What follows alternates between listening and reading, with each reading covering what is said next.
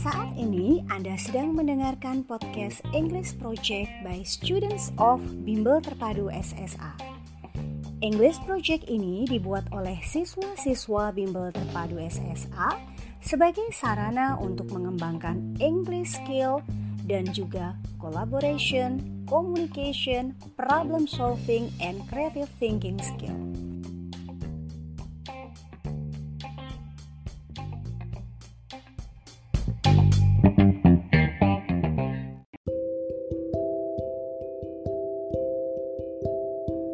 Cast Kadia Inayasari as Leader Red Riding Hood. Fatirah Nurmailana as Mother.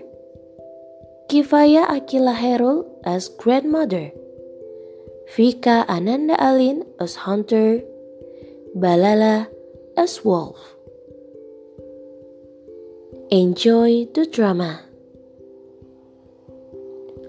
Once upon a time there was a little girl who lived in a village near the forest.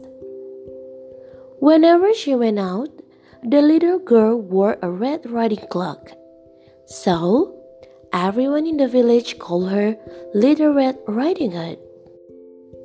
One morning, she asked her mother if she could go to visit her grandmother, as she had not seen her for a long time.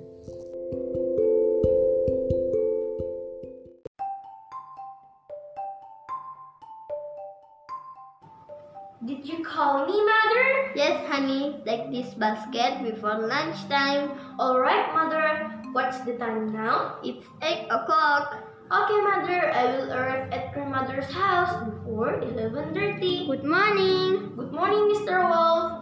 Where are you going? I'm going to my grandmother's house to take her this little basket. Where is her house? She lives just across the forest in the first little house in the village. Who's there? It's me, my grandmother's little red riding hood. I came to bring you a little basket with some bread and cakes. Come in, my little daughter. Push the door. I will eat you today. Run away! We must find someone to save us. Look, there is Mr. Hampton. He can catch the wolf. Help! Help! The wolf wants to catch us. Wait, is dead. Okay, I will save you. Please, enter the house. The wolf hide there. I got you now. Grandmother, I'm so scared. Don't worry, my girl. You arrived just in time. Thank you for the bread and the cakes.